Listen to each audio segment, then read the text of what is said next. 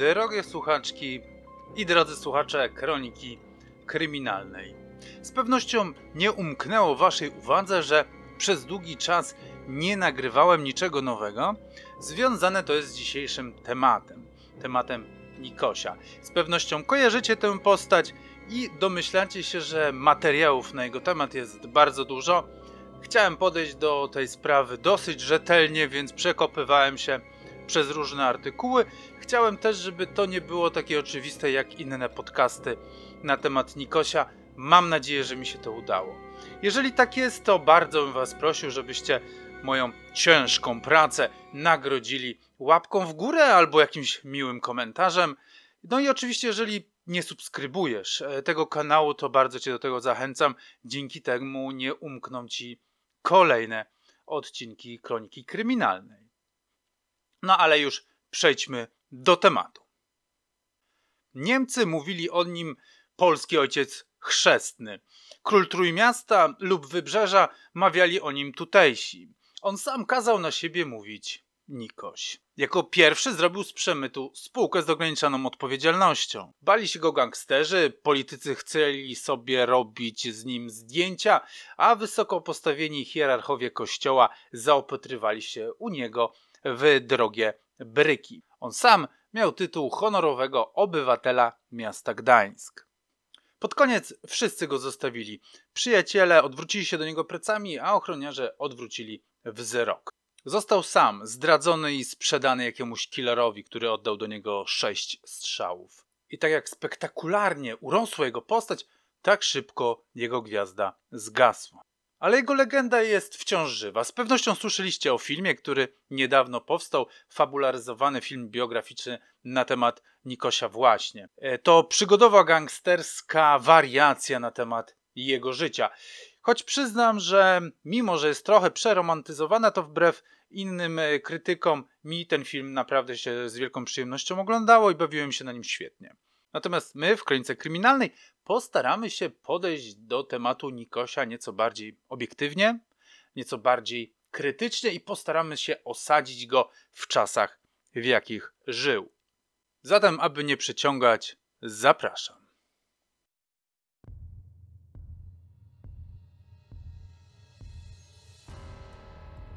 Ta historia wydarzyła się naprawdę. Aby zachować jej spójność, brak niektórych faktów wypełniony został koniekturą i presumpcją. Ja nazywam się Tomasz Szczepański, a to jest Kronika Kryminalna. Sezon trzeci prawdziwych zbrodni.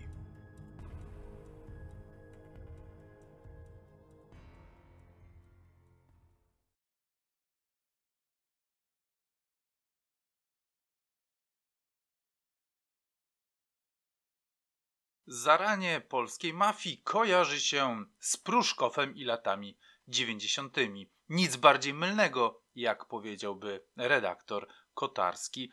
Źródeł zorganizowanej przestępczości należy szukać dużo wcześniej, bo w latach 70. i to na wybrzeżu, gdzie PRL stykał się z Zachodem, gdzie dobijały statki handlowe z zagranicznymi marynarzami, których kieszenie wypchane były dolarami, a polscy samozwańczy przedsiębiorcy robili wszystko, aby zadośćuczynić ich pragnieniom.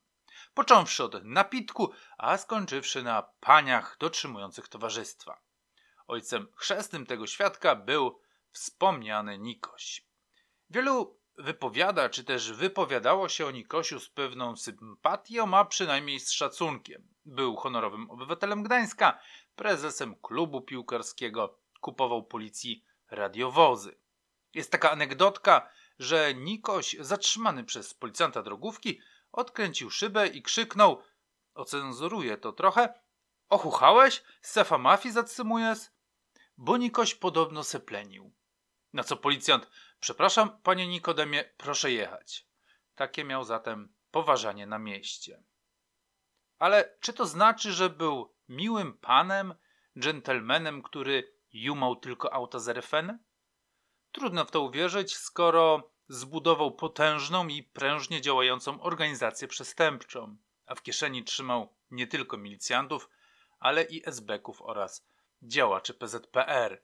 I choć są tacy, którzy twierdzą, że Nikoś był zaledwie słupem postawionym przez innych, silniejszych graczy, to dziennikarz, który w latach 90. pisał o nim artykuł, został zapytany przez wysokiego rangą oficera policji, czy nie chciałby może ochrony, bo to niebezpiecznie wypytywać o Nikosia.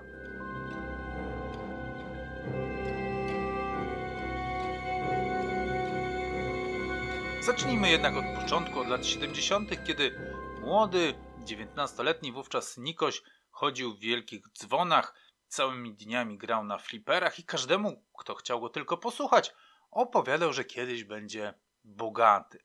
Jako, że w tamtych czasach nie było jeszcze w Polsce koksowych karków, wysportowana sylwetka Nikosia wystarczała, aby postawić go na bramce. I od tego zaczął swoją karierę, a nie stał byle gdzie, tylko w słynnym gdyńskim Maksimie, klubie przez wielkie K, gdzie bywała tylko śmietanka towarzyska, artyści, politycy, sportowcy, tak zwana elita oraz piękne kobiety, które umiały monetyzować swoją urodę. Kupczenie swoim ciałem u Maksima jest zresztą treścią znanej piosenki grupy Lady Punk. U Maksima w Gdyni znów cię widział ktoś, śpiewa Panasewicz. Sypał zielonymi mahoniowy gość. Bonnie M. zagrało, kelner zgiął się w pół, potem odjechało złote BMW. Sama tego chciałaś. Pewnie coś był wart zapłacony ciałem kolorowy slajd. Te słowa w skocznej aranżacji nabierają dodatkowego, gorzkiego znaczenia. Ale z innej strony, kto nie chciał w tamtych szarych czasach choćby skosztować kolorowego życia? Z pewnością wielu mężczyzn oburzających się na co dzień na moralne zepsucie pewnych kobiet sami by skorzystali z takiej możliwości transakcji bezgotówkowej, gdyby istniał tylko popyt, zwłaszcza w czasach PRL-u.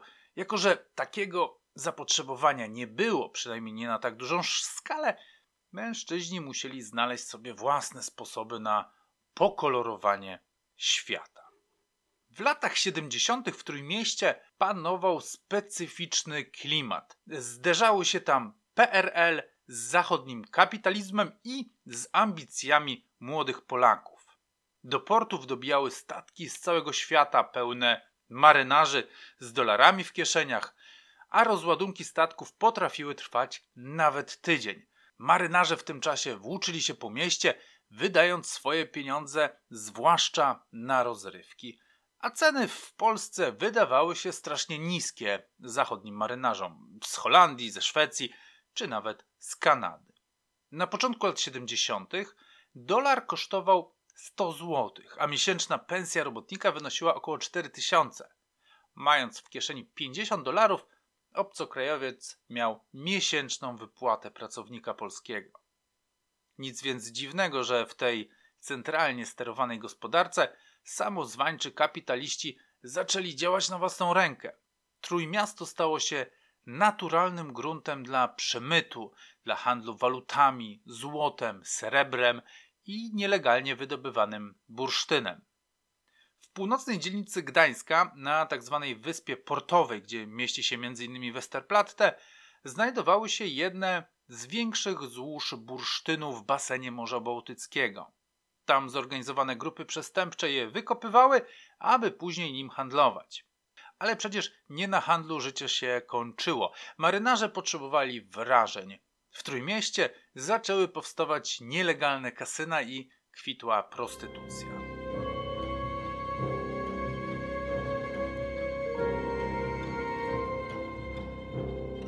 W grudniu 1970 roku Władysław Gomułka wprowadził podwyżkę cen na mięso i jego przetwory, co w konsekwencji doprowadziło do protestów społecznych. W tym samym miesiącu na polecenie biura politycznego stłumiono robotnicze manifestacje na wybrzeżu, przy czym śmierć poniosło kilkadziesiąt osób. 20 grudnia 1970 roku Pod naciskiem zwolenników Edwarda Gierka Gomułka został zmuszony do ustąpienia ze stanowiska pierwszego sekretarza, a w 1971 przeniesiony na emeryturę. Zaczęła się w Polsce nowa era. Era Gierka, era inwestycji i kredytów, a co za tym idzie konsumpcji.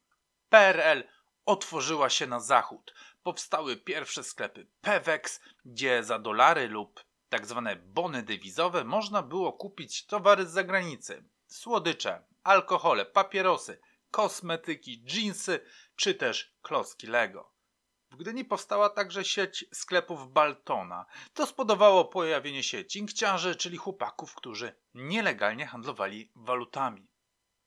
I ci wszyscy marynarze, cinkciarze, złodzieje, PRL-owska elita polityczna i artystyczna, oni wszyscy potrzebowali miejsc, gdzie mogliby wydawać pieniądze. I tak wracamy do Maksima, do lokalu w Gdyni Orłowo przy Orłowskiej 13, gdzie nad samym brzegiem morza stał ekskluzywny lokal, z którego przeszklonej ściany widać było morskie fale uderzające o brzeg, zachodzące nad horyzontem słońce, za którym w oddali leżała Szwecja, marzenie wielu Polaków. Lokal miał 740 metrów kwadratowych, kilka barów, scenę, na której występowała Bonnie czy Violetta Villas. Na ścianach wisiały oryginalne i drogocenne obrazy. Meble były z najnowszej kolekcji, stylowe i wygodne, a na środku lokalu rosło drzewo, którego korona wystawała ponad dach. Gośćmi Maksima byli Roman Polański, Bogdan Łazuka, Günther Gras, a później Cezary Pazura czy Bogusław Linda. Dzisiaj Maksym nie przypomina tego lokalu, który był kiedyś, ale w latach 70. czy 80. była to najlepsza lokalizacja, jeżeli nie na wybrzeżu, to nawet może i w całej Polsce. Założycielem Maksima był niejaki Michał Antoniszyn, zwany mecenasem. Był protektorem Nikosia i doktorem na Wydziale Prawa i Administracji UMK w Toruniu. Postać ta jest co najmniej niejednoznaczna.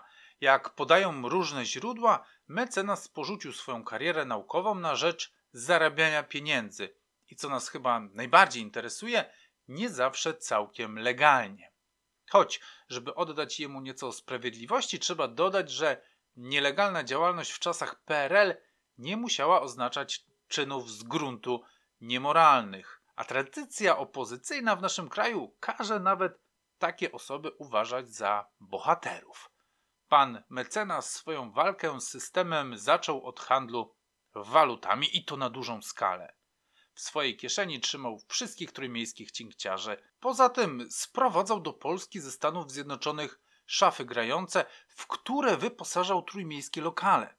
Podobno też jako pierwszy sprowadził do Polski wariograf i uczył milicję obywatelską, jak się nim posługiwać.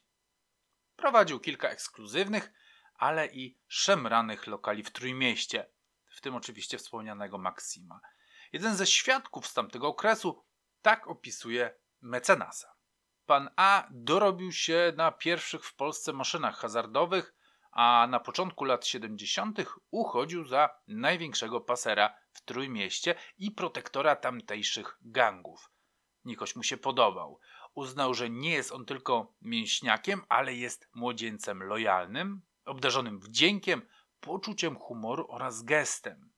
Wkrótce bramkarz z Lucynki został przeniesiony do lepszego lokalu, słynnego Maksima w Gdyni Orłowie i stał się osobistym gorylem pryncypała, który powierzał mu kolejne zadania. Akta sprawy prowadzonej przeciwko mecenasowi przez milicję nosiły kryptonim Żarłoczny Rekin. W pierwszej edycji rankingu tygodnika Wprost w 1990 roku wśród 100 najbogatszych Polaków mecenas znalazł się na 35 miejscu. Warta uwagi może być też jego praca naukowa wydana w 85, której tytuł po ocenzurowaniu, żeby YouTube się nie przyczepił, brzmi Monetyzowanie swojego ciała w świetle badań kryminologicznych. Pozycja dzisiaj niestety niedostępna, przynajmniej w chwili, kiedy to nagrywam. W latach 90. pan mecenas poszedł w kierunku prasy i wydawał kilka tytułów. W jednym z nich możemy znaleźć jego nekrolog, bo co warte zaznaczenia, mecenas odszedł naturalnie w sędziwym wieku 80 lat w roku 2020. Gazeta Wieczór Pomorze opisuje mecenasa w następujących słowach.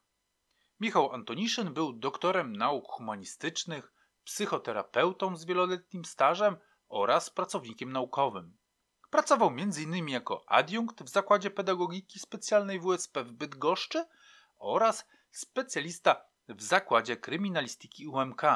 Jako wykładowca cieszył się ogromnym uznaniem i poważaniem studentów. Potem wymienia się dziesiątki jego zasług, na które my nie mamy czasu. Dla zainteresowanych link do artykułu znajdzie się w opisie, a my wracamy do Nikosia. Był rok 1974, kiedy Nikoś stanął na bramce Maksima. Miał wtedy 19 albo 20 lat. Moja niepewność co do jego wieku bierze się stąd, że źródła różnie podają jego datę urodzin. A tak naprawdę nikt pewnie nie wie, jaka data jest właściwa, bo Nikoś całe życie posługiwał się fałszywymi dokumentami. Wszystkie źródła potwierdzają natomiast, że wychował się on w gdańskim Wrzeszczu. Uczniem był słabym, a po podstawówce trafił do ogrodniczej zawodówki w Pruszczu Gdańskim. Nauką zresztą nigdy nie był zainteresowany. Jego motorem, celem życiowym było zarabianie pieniędzy. Ty się dobrze ucz, miał kiedyś powiedzieć swemu młodszemu bratu, a ja zarobię dla nas pieniądze. I jak powiedział, tak zrobił. Już na bramce zaczął dorabiać, jako że to on decydował, kogo wpuścić do słynnego Maksima, a mówi się, że bardzo lubił się targować.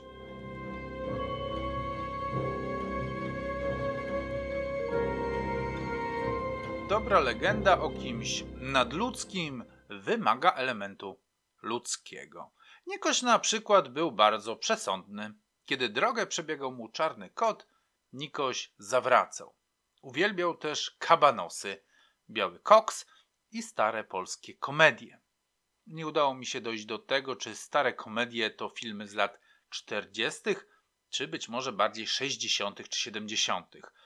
U tej prawie boskiej postaci, aby legenda była jeszcze bardziej nośna, potrzeba też jest jakaś tragedia, z którą my, śmiertelnicy, moglibyśmy się utożsamić.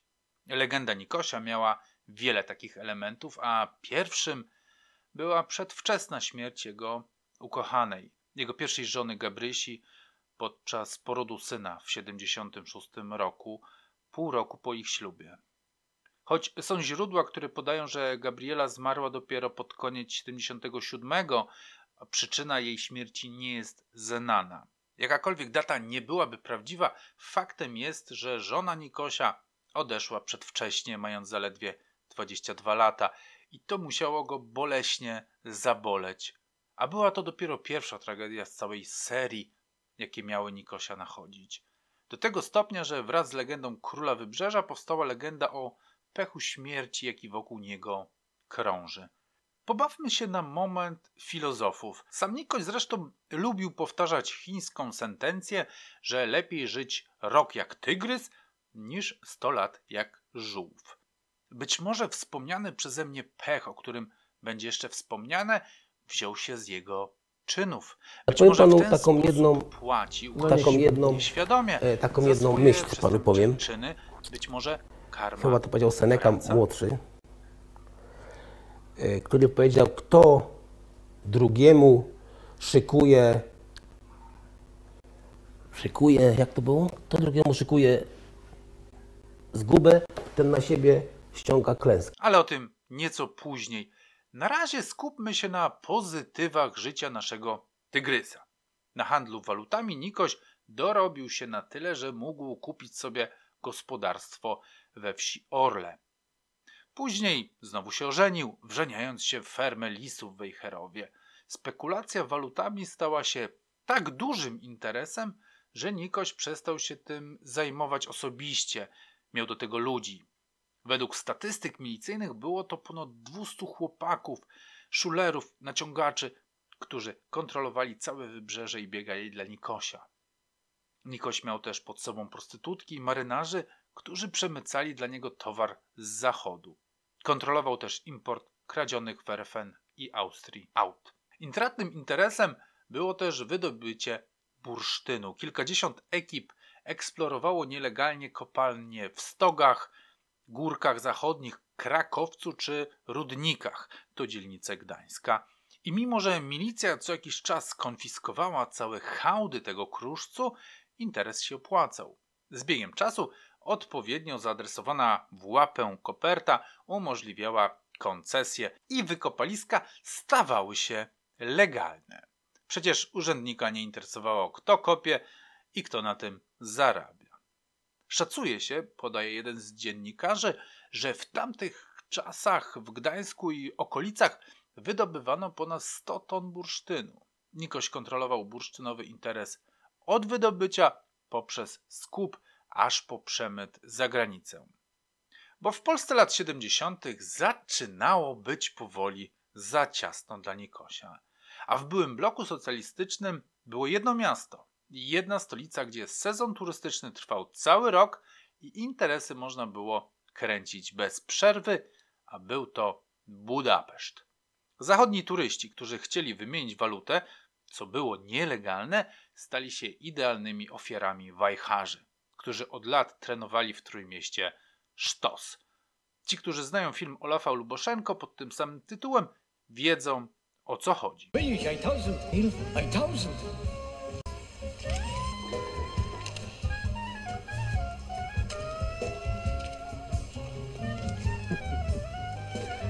Gut. Bitte.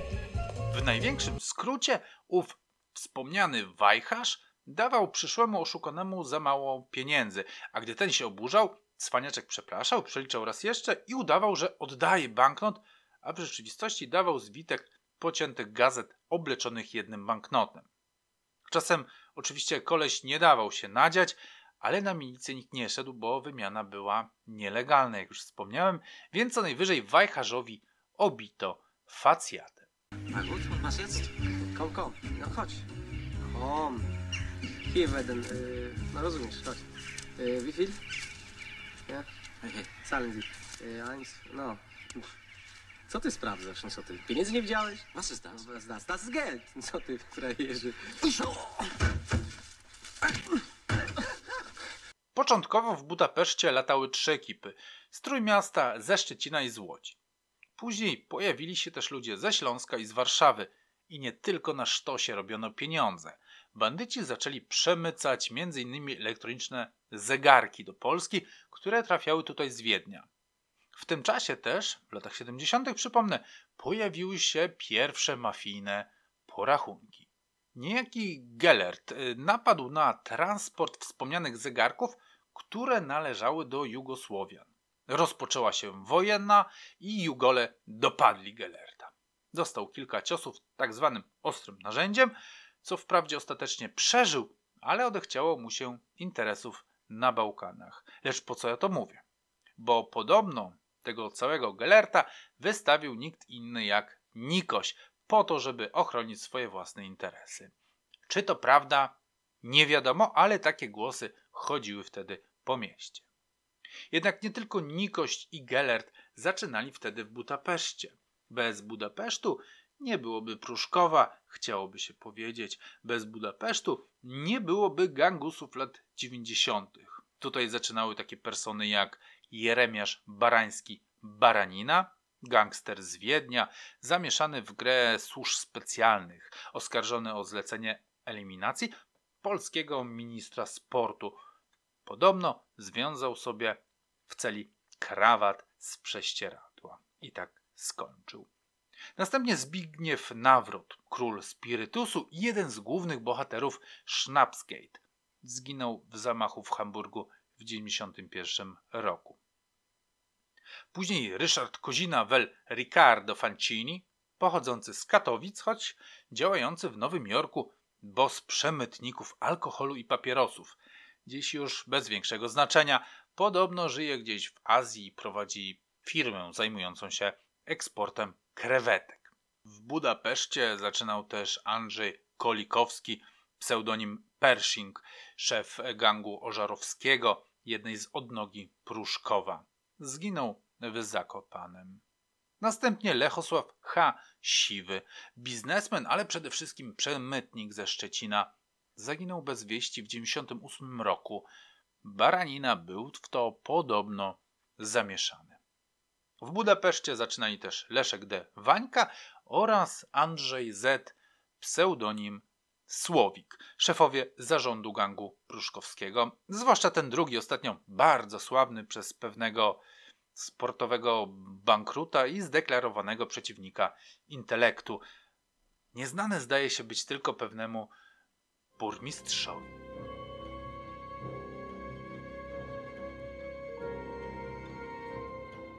Nikoś, cokolwiek by o nim nie mówiono na mieście, był człowiekiem bardzo przedsiębiorczym.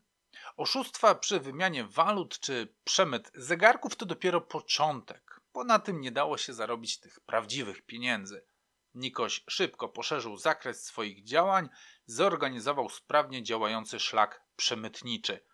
Pod przykrywką działalności charytatywnej wysyłał do Polski paczki, a w nich przemycał deficytowe towary, które sprzedawał z ogromnym zyskiem na czarnym rynku.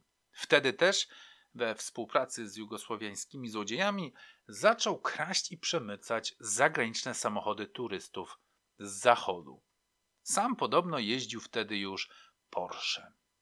Kradzież samochodu w latach 70. nie była skomplikowana. Wystarczyła cienka, metalowa linijka zakończona haczykiem, którą wpychano w szczelinę pomiędzy szybę w drzwiach samochodu i tę tam gumową listwę a potem podciągało się drut podtrzymujący szybę do góry. Silnik uruchamiało się na krótko, czyli przez zwarcie przeciętych kabelków. Później auto było przerzucane do Polski, a tam dostawało papiery i stawało się legalne. Polska milicja nie współpracowała wówczas z policją zachodu, nie było jak sprawdzić kradzionych samochodów. A w czasach peweksów i rodzącej się konsumpcji w Polsce było coraz więcej ludzi, którzy mieli pieniądze. Pieniądze mieli zresztą także skorumpowani perelowscy politycy. Sekretarze mieli je także artyści. Niepotwierdzona anegdotka mówi, że Andrzej Jaroszewicz, syn ówczesnego prezesa Rady Ministrów, kupił samochód od Nikosia i podarował go Maryli Rodowicz. I abstrahując od tego, czy to historia wyssana z palca, faktem było, że jedynym dealerem zachodnich samochodów na całą Polskę był w latach 70. Nikoś właśnie.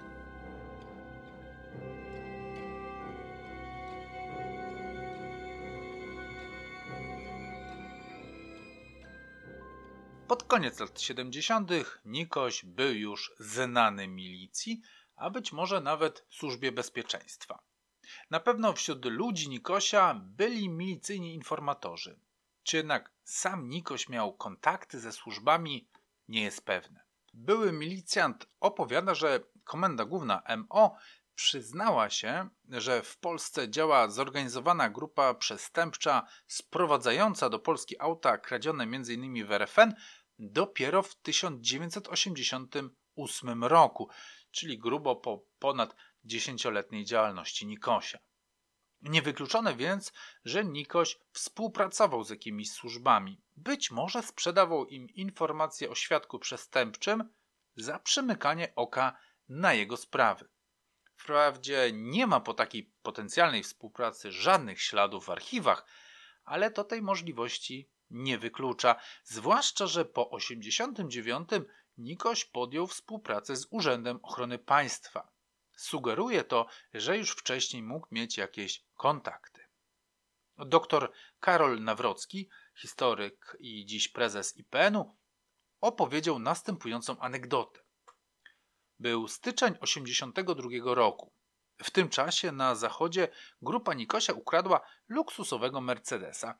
Trzeba go było przetransportować do Warszawy ale przecież trwał stan wojenny i nie można było swobodnie podróżować, przemieszczać się między województwami.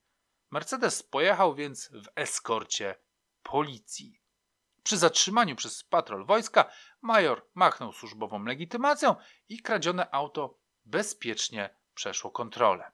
Inną hipotezą, dlaczego Nikosiowi udało się zorganizować takie imperium, było to, że służba bezpieczeństwa była przekonana o tym, że kontroluje grupy przestępcze, że wszędzie ma swoich ludzi i nic nie dzieje się bez jej wiedzy. Prawda jednak była taka, że w latach 80. PRL już dogorywał. Wszyscy znamy to z Misia czy z Alternatyw 4. Wszystko było z paździerza i na niby. Funkcjonariusze i urzędnicy byli skorumpowani. Nikt nie miał interesu w tym, aby wychodzić poza szereg.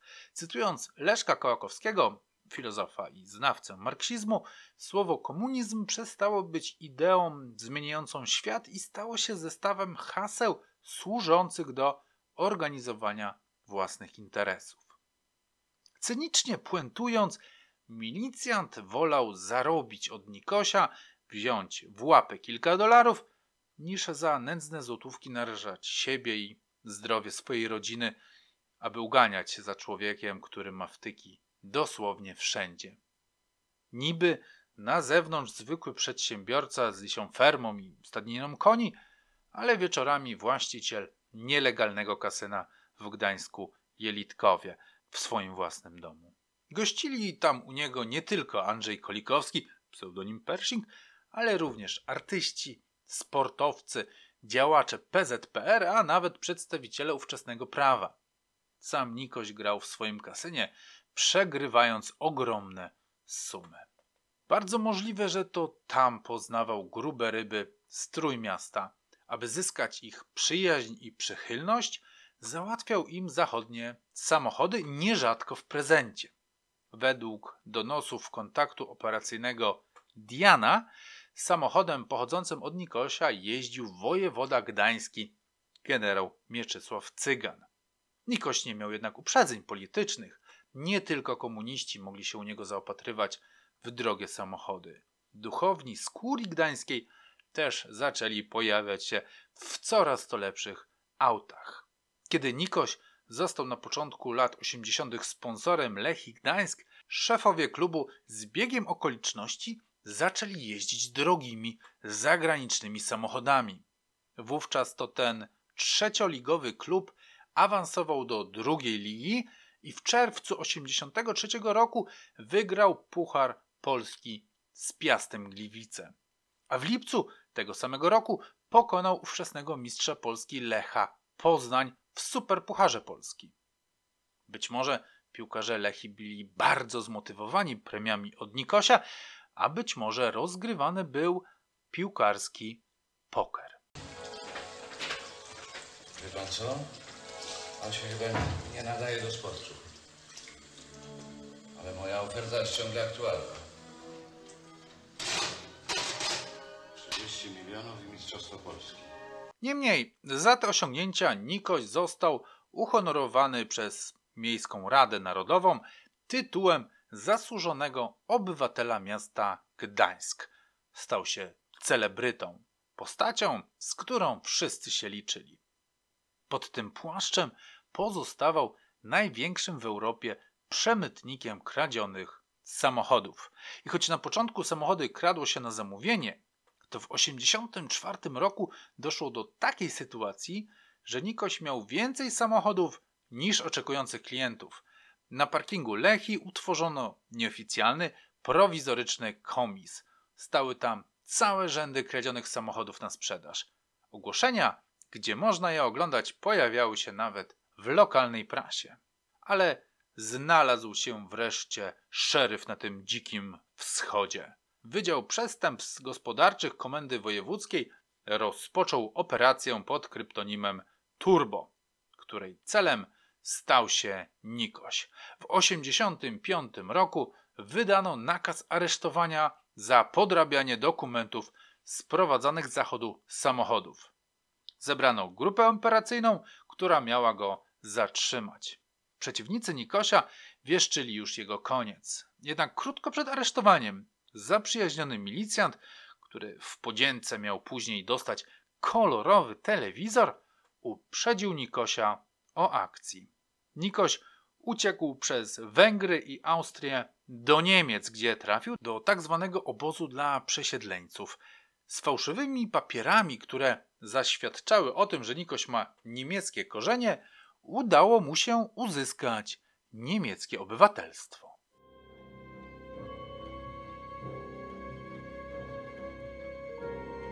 Nikoś po ucieczce z Polski osiadł w Hamburgu. Podobnie jak Budapeszt w latach 70., tak w latach 80. to Hamburg był mekką polskich gangusów, przemytników, złodziejaszków i cwaniaków. Tutaj spotkał Nikoś swoich dawnych znajomych z Budapesztu i z Gdańska. Tutaj założył swój legalny interes. Sklep z elektroniką o charakterystycznej w tamtym okresie i we wczesnych latach 90. nazwie Scotex Electronics. Fani serialu Ozark z pewnością wiedzą, że legalny interes jest niezbędny, aby skutecznie prać brudne pieniądze. Swoją drogą, jeśli jesteście fanami Ozark, dajcie znać w komentarzu. Nikoś swojego sklepu potrzebował jako przykrywki dla przemytu kradzionych samochodów. Mimo, że Nikoś przebywał za granicą, gdańska prokuratura nie poddawała się i zatrzymała jego siostrę, Terezę. Oficjalna wersja wydarzeń jest taka, że pod naciskiem śledczych, przez wizję wieloletniego więzienia i problemy natury psychicznej, Teresa nie wytrzymała i pod koniec kwietnia 86 roku zaplotła węzeł z prześcieradła i odeszła. Załamany Nikoś nie mógł nawet przyjechać na jej pogrzeb, bo zostałby natychmiast zatrzymany. To już kolejna bliska jemu osoba, która go opuściła. Znowu pękło mu serce, a to nie był jeszcze koniec. W kilka miesięcy po tej tragedii Nikoś trafił do hamburskiego szpitala z raną postrzałową. Nie chciał się jednak przyznać, kto to zrobił, a niemiecka policja nie potrafiła znaleźć świadków. Niemiecka prasa natomiast zaczęła rozpisywać się wtedy o polskim ojcu chrzestnym i o królu polskich złodziei samochodów. Spekulowano, że to porachunki z niemieckim gangiem, że Nikoś dostał serię z automatu, a wykonawcą był wynajęty killer. Prawda była taka, że to Gellert, dawny współpracownik Nikosia z czasów Budapesztu, pociągnął w ramach zemsty za sprawę z Jugosłowianami za spust. Nikoś wprawdzie się wylizał, ale hamburscy policjanci uniemożliwiali mu dalszej działalności. Był pod ciągłą obserwacją. Postanowił zatem przenieść się do Berlina Zachodniego, a wyjechał tam z niejakim Mańkiem.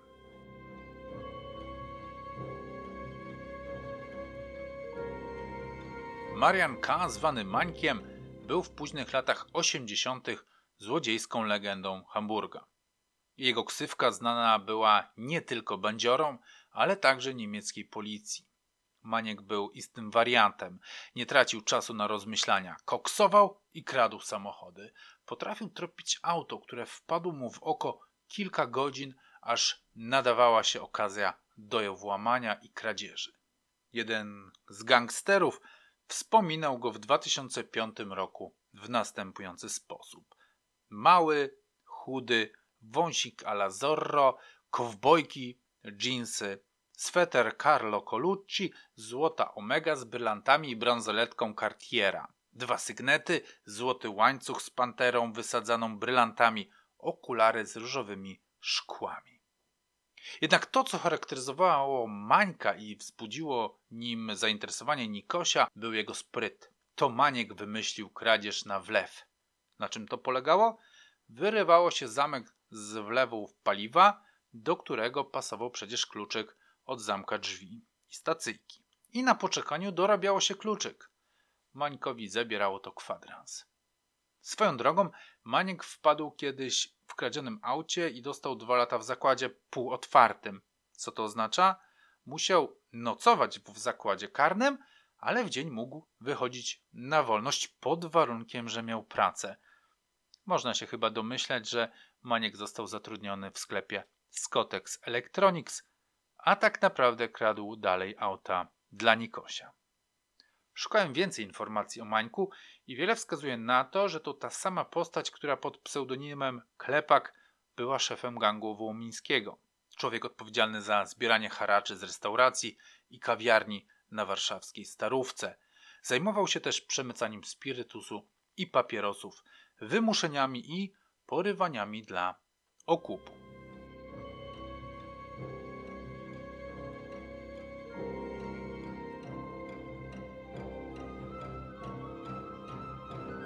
Nikoś spędził w Berlinie dwa lata, aż pewnego pechowego dla niego dnia policja zatrzymała jego złote Audi do rytunowej kontroli, podczas której wyszło, że Maniek ma podrabiany szwedzki paszport, a auto jest kradzione.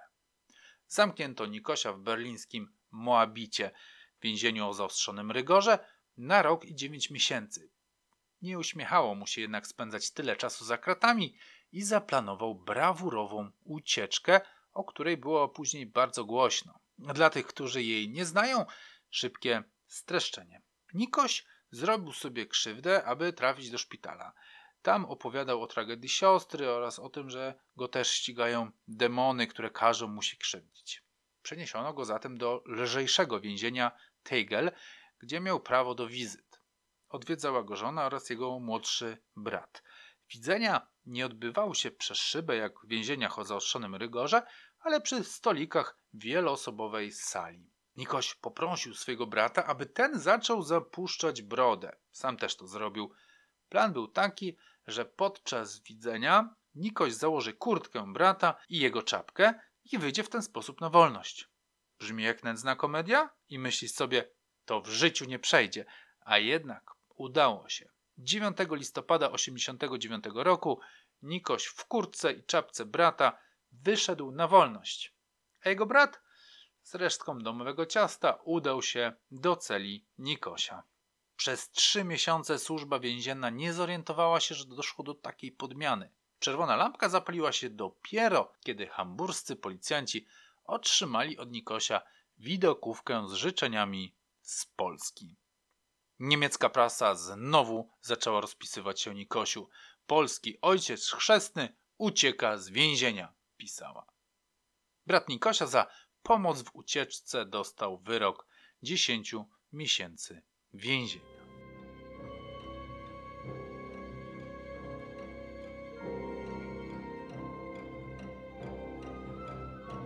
Kiedy Nikoś siedział w berlińskim więzieniu, w Polsce działa się historia. 6 czerwca odbyły się pierwsze, częściowo wolne, wybory do Sejmu, które wygrała opozycja demokratyczna. Premierem został Tadeusz Mazowiecki i rozpoczęły się pierwsze reformy, zwłaszcza gospodarcze, przygotowane przez Leszka Balcerowicza. Dziś być może nie uważane już za doskonałe, ale w tamtych czasach być może niezbędne. Znowelizowano także konstytucję, wykreślając m.in. postanowienia o kierowniczej roli PZPR oraz zmieniając nazwę państwa z Polska Rzeczpospolita Ludowa na Rzeczpospolita Polska. A miesiąc po brawurowej ucieczce Nikosia z więzienia, 7 grudnia 1989 roku, podpisana została ustawa o amnestii, która objęła większość zarzutów prokuratorskich wobec Nikosia, a śledztwo z 1985 roku zostało tymczasowo zawieszone. Za chwilę w wyborach prezydenckich miał wygrać Lech Wałęsa, gdańszczanin, i zastąpić na stanowisku prezydenta Wojciecha Jaruzelskiego. Przed Nikosiem rozpościerała się wizja pięknej przyszłości. Wynajmował wtedy apartament w sopockim hotelu, w którym urządził sobie swoją kwaterę główną. Petentów przyjmował od samego rana, a byli to wannabe biznesmeni z głową pełną innowatorskich pomysłów na niezawodne biznesy, ale bez grosza przy duszy. Byli to też gangsterzy w kradzionych samochodach, byli to wreszcie Rosjanie, którzy otwierali się na kapitalizm. To dzięki Nikosiowi niemieckie Mercedesy trafiały na rosyjski rynek. I to nie wszystkie były kradzione sensu stricto. Nikoś opatentował nowy sposób na przemyt samochodów. Przyjeżdżał Niemiec, który chciał się pozbyć bryki, bo miała już ze dwa lata i czas było wymienić ją na nowszą. zatrzymywał się w hotelu w Szczecinie, a ludziom Nikosia przekazywał kluczyki i dokumenty. Tak zwany wozak, czyli facet zatrudniony przez Nikosia do przerzucania aut przez granicę, jechał do Rosji, granicę przekraczał legalnie ze wszystkimi papierami na samochód. Po przekroczeniu granicy dorabiane były kluczyki, a oryginalne wraz z dokumentami wysyłane w kopercie przesyłką konduktorską w pociągu relacji Brześć-Szczecin i wracały do Niemca. Ten szedł na policję i zgłaszał kradzież samochodu spod hotelu. Ubezpieczyciel zwracał mu pieniądze za auto, dodatkowo Nikoś odpalał mu jakąś część z zarobku, a auto rozpływało się gdzieś w Moskwie i każdy zarobił swoje. A jednak sielanka miała się kiedyś skończyć. Nowe czasy oznaczały przecież też nowe rozdanie kart, nowe osoby u władzy, nowe osoby w nowo utworzonej policji, młodych, ambitnych policjantów, no i młode wilki, które poczuły zew krwi, które uznały, że stare musi odejść. Dawne układy się rozsypywały, a nowi gangsterzy za nic mieli sobie złodziejskie zasady i byli coraz bardziej agresywni. Nikoś mentalnie żył wciąż w starych czasach, nie rozumiał zbliżającego się wiatru zmian. Nadal był jeszcze poważany przez większość środowiska, ale pod Warszawą rosły grupy z ambicjami na monopol na całą Polskę. Wrócę znowu do truizmu, że w Polsce mafia lub zorganizowane grupy powstały w latach 90. My, jako przedstawiciele e, wymiaru sprawiedliwości, organów ścigania, nie używamy pojęcia mafia, ponieważ jest to pojęcie obce, z gruntu, pochodzące z gruntu włoskiego. Raczej operujemy pojęciem e, zorganizowanych grup przestępczych, Ale panie nadkomisarzu, jak zwał, tak zwał. My mówimy dziennikarze i ludzie z ulicy mówią po prostu mafia. Y, Wiadomo, czy to są zorganizowane grupy przestęp- przestępcze, czy też mafie, to samochody giną i ginie ich coraz więcej. No więc kim są złodzieje? Prawda jednak jest taka, że nie byłoby tych grup, gdyby nie gangsterka z lat 70. i 80. To wtedy zaczęło się organizować i działać na dużą skalę. Lata 90. przyniosły po prostu rozbicie istniejących struktur państwa, w tym milicji i SB, których członkowie zwrócili się ku przestępcom, nie mając możliwości legalnego zarobku. A ci, którzy weszli na ich miejsce, nie mieli pojęcia o pracy operacyjnej. Oczywiście generalizuję, ale chciałbym zwrócić uwagę na to, że siłę mafii stanowiła wtedy w Polsce słabość rodzącej się dopiero policji, z której usunięto wielu naprawdę sprawnych oficerów.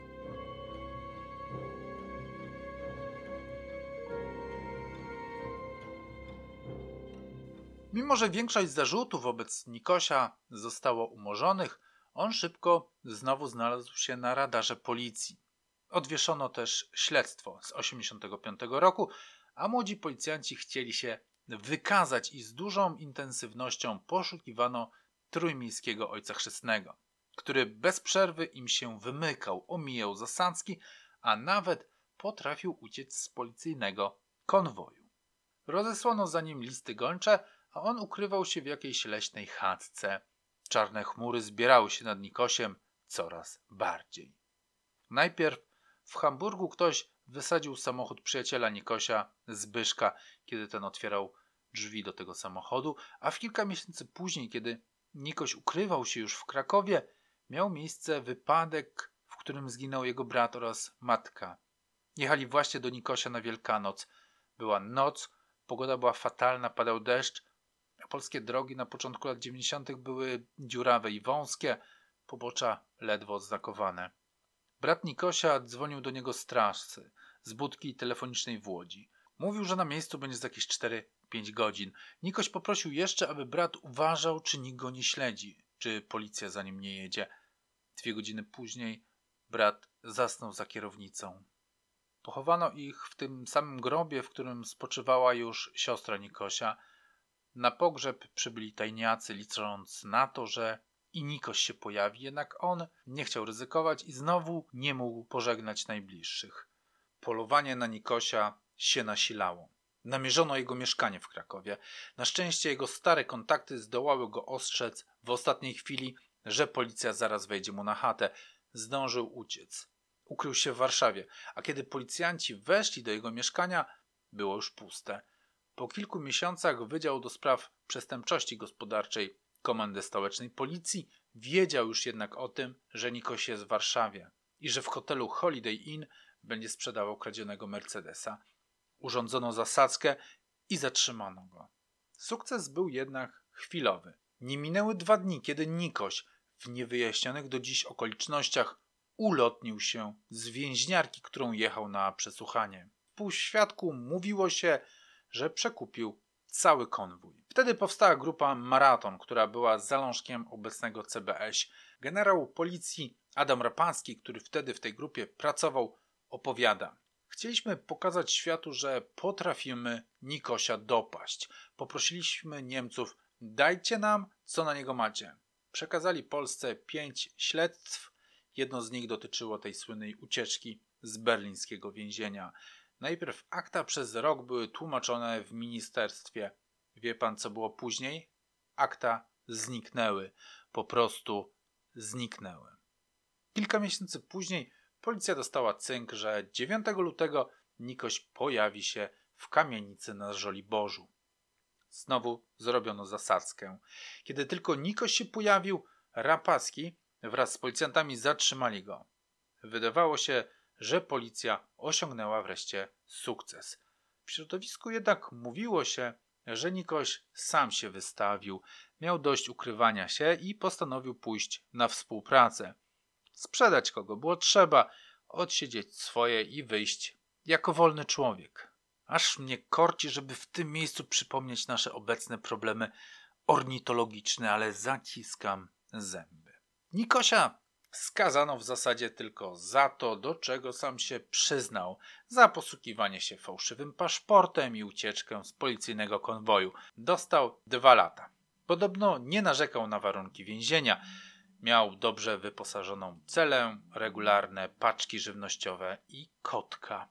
Odsiedział połowę kary, czyli rok.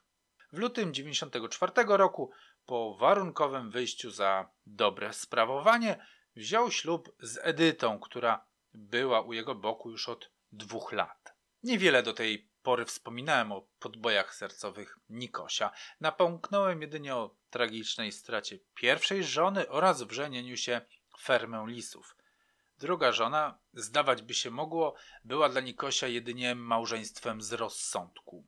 Była ona siostrą niejakiego pięknego Ricarda, przestępcy, dzięki któremu Nikoś zaczął swoją karierę w Budapeszcie. Kontakty, które z jego pomocą nawiązał, pozwoliły mu założyć własną grupę, z którą zaczął przemycać samochody z Niemiec i z Austrii. W zasadzie od początku ich małżeństwa mieszkali osobno, a żona nie mogła znieść tego, że Nikoś jest kobieciarzem. A jednak rozwiedli się dopiero w 1982 roku, kiedy Nikoś już był poważnym graczem. Jako, że małżonkowie nie byli konflikcie i postanowili rozwieść się polubownie, sąd nie orzekł o winie. Władzę rodzicielską nad córką powierzono obojgu rodzicom. Kwotę miesięcznych alimentów ustalono na 4000 zł, co w opinii Nikosia było śmieszną sumą i płacił na córkę 10 tysięcy złotych. Przy tym utrzymywał z rodziną zarówno z byłą żoną, jak i z dziećmi bardzo dobre relacje. Edyta, jego ostatnia żona, towarzyszyła mu już od czasów, kiedy ukrywał się przed polską policją. Poznał ją podczas jednego z wypadów do Krakowa. Była bardzo atrakcyjna, pochodziła z dobrej, nauczycielskiej rodziny i miała wtedy 22 lata. Mówią, że zakochała się w Nikodemie na zabój. Była przy nim, kiedy brat zasnął za kierownicą. Była chwilę po tym, jak strzelano w Hamburgu do jego przyjaciela Nawrota. Miała być też przy nim, kiedy do klubu Las Vegas wszedł zamaskowany koleś, ale to dopiero za chwilę. Koniec Nikosia nie był nagły. Zapowiadało go wiele znaków na ziemi i niebie.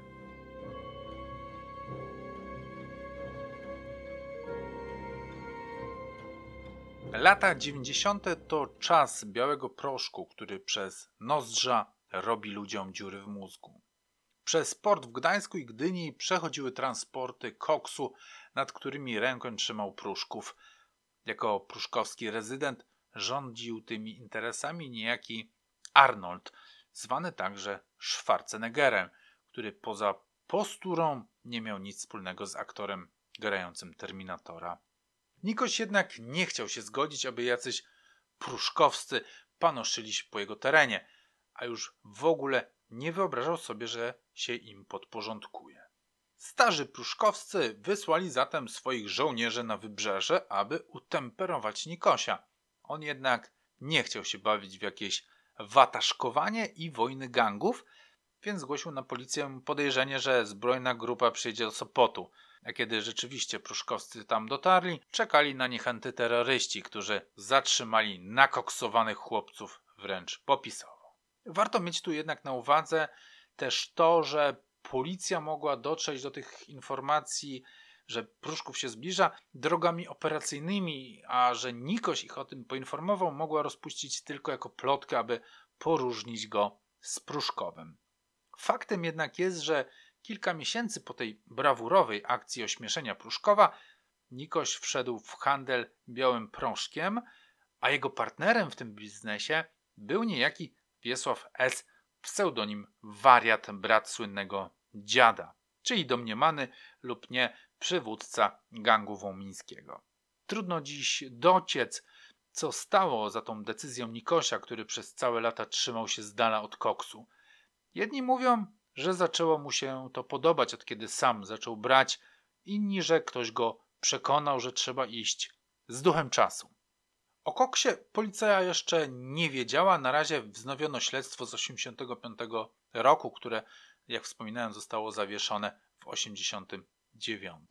Policja dysponowała materiałami hamburskiej policji i mogła oskarżyć Nikosia o kierowanie grupą przestępczą, która w latach 82-88 ukradła w Niemczech 27 luksusowych aut. Akt oskarżenia obejmujący także pięć osób z dawnej siatki Nikodema trafił do sądu 29 listopada 1995 roku. Pisał w 2005 roku Adam Zadworny w swoim artykule pod tytułem Antyballada o Nikosiu. Proces rozpoczął się pół roku później. Zdjęcia Nikodema S., zrobione wtedy w gdańskim sądzie, obiegły całą Polskę. Czytelnicy gazet zobaczyli barczystego czterdziestolatka czarnym golfie i szarej marynarce, który z uśmiechem gwiazdora rozmawia z reporterami. Nikoś kupował wtedy podobno po kilkadziesiąt sztuk jakiejś gazety, w której był o nim artykuł, aby rozsyłać egzemplarze po znajomych. W tym czasie też zaczął sam pudrować nos. Obserwowaliśmy go, opowiadał oficer policji. Miewał wtedy trzy, czterodniowe zaskoki. To był już inny człowiek. W kasynie w warszawskim Mariocie potrafił wtedy przegrać w jeden wieczór 200 tysięcy dolarów. Inny, dawny znajomy Nikosia, wspomina tamten czas następującymi słowami. Był w swoim świecie. Ja mówię, że jest mi winien pieniądze za dwa samochody, a on mi na to, że piosenki o nim śpiewają. Tutaj jako ciekawostkę dorzucę, że piosenkę o Nikosiu, najprawdopodobniej pod tytułem Kraina Złudzeń, yy, śpiewał, a być może także napisał Marek Dyjak. Niestety nie udało mi się odnaleźć nigdzie na YouTubie czy innych platformach tego utworu, natomiast jest on wpleciony w dokumentalny film o Nikosiu pod tym samym tytułem, więc jeżeli Was to interesuje, to serdecznie do niego zapraszam.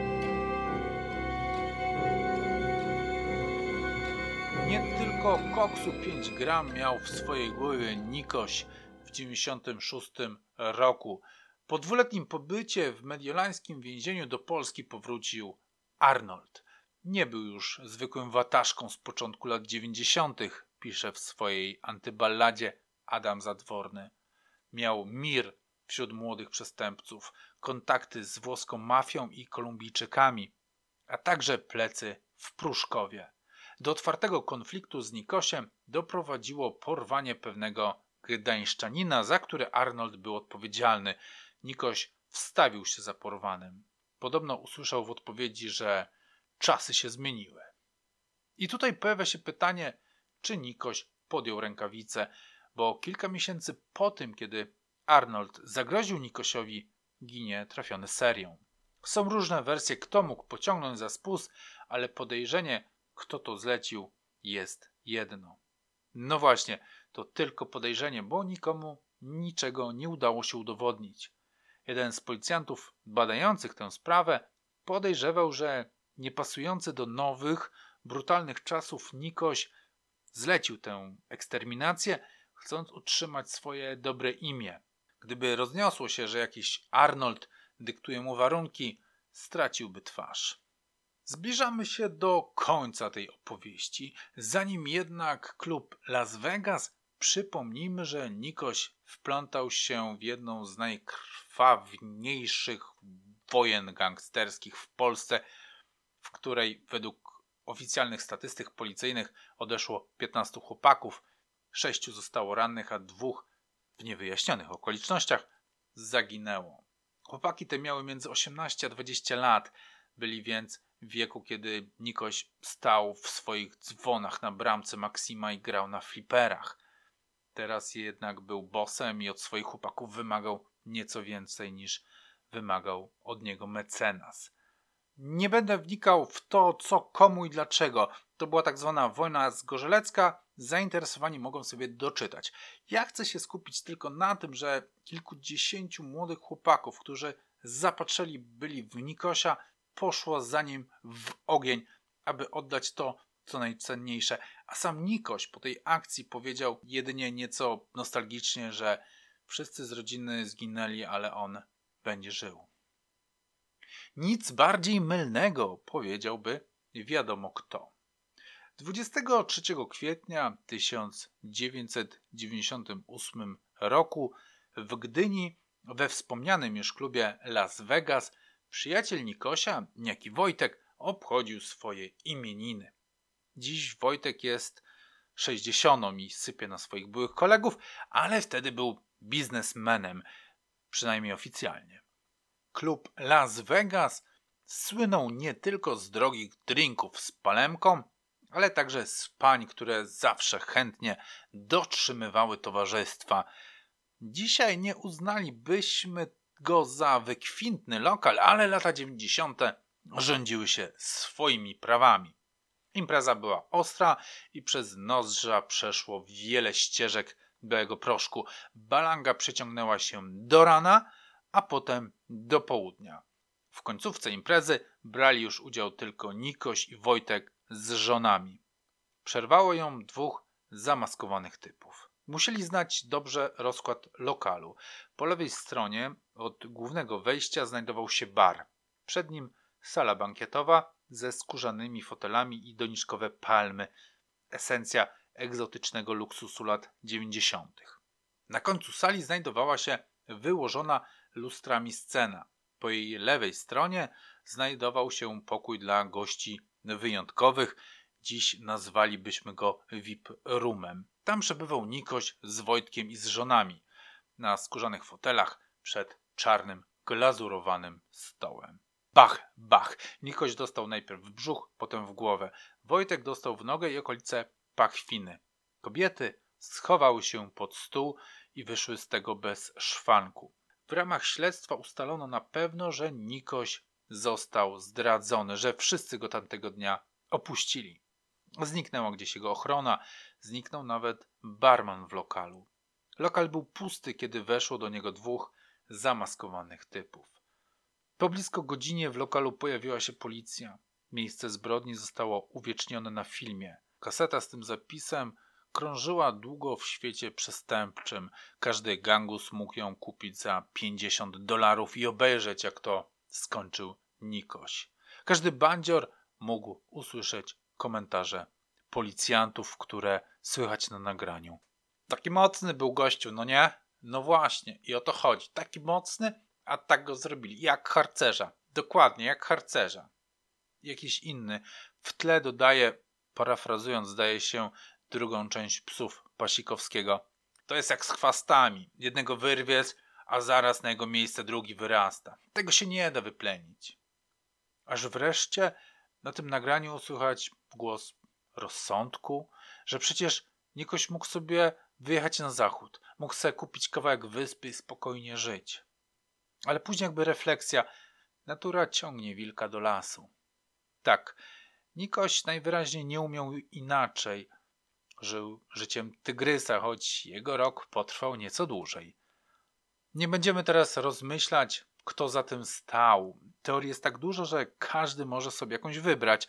Równie ciekawe jest to, co działo się po 24 kwietnia 98 roku.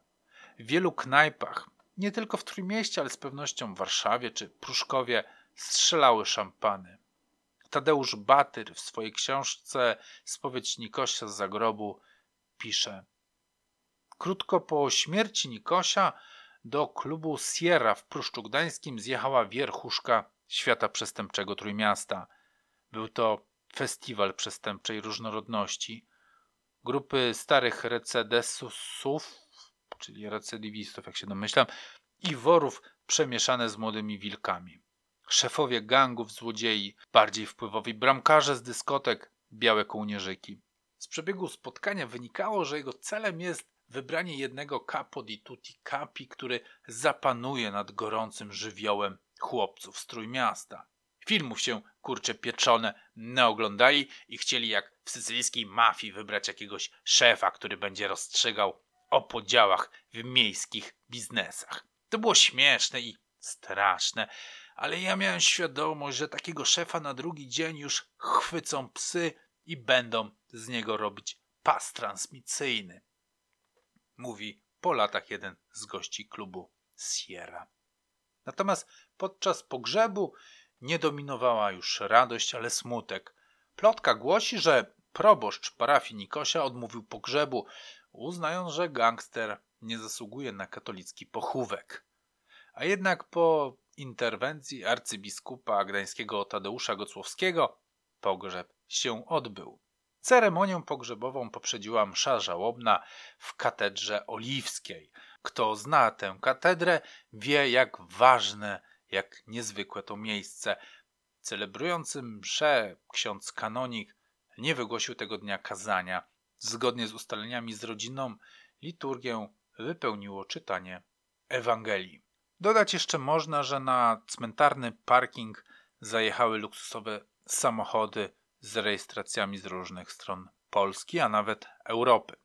W ostatniej drodze Ojca Chrzestnego udział wzięły tłumy mieszkańców Strójmiasta.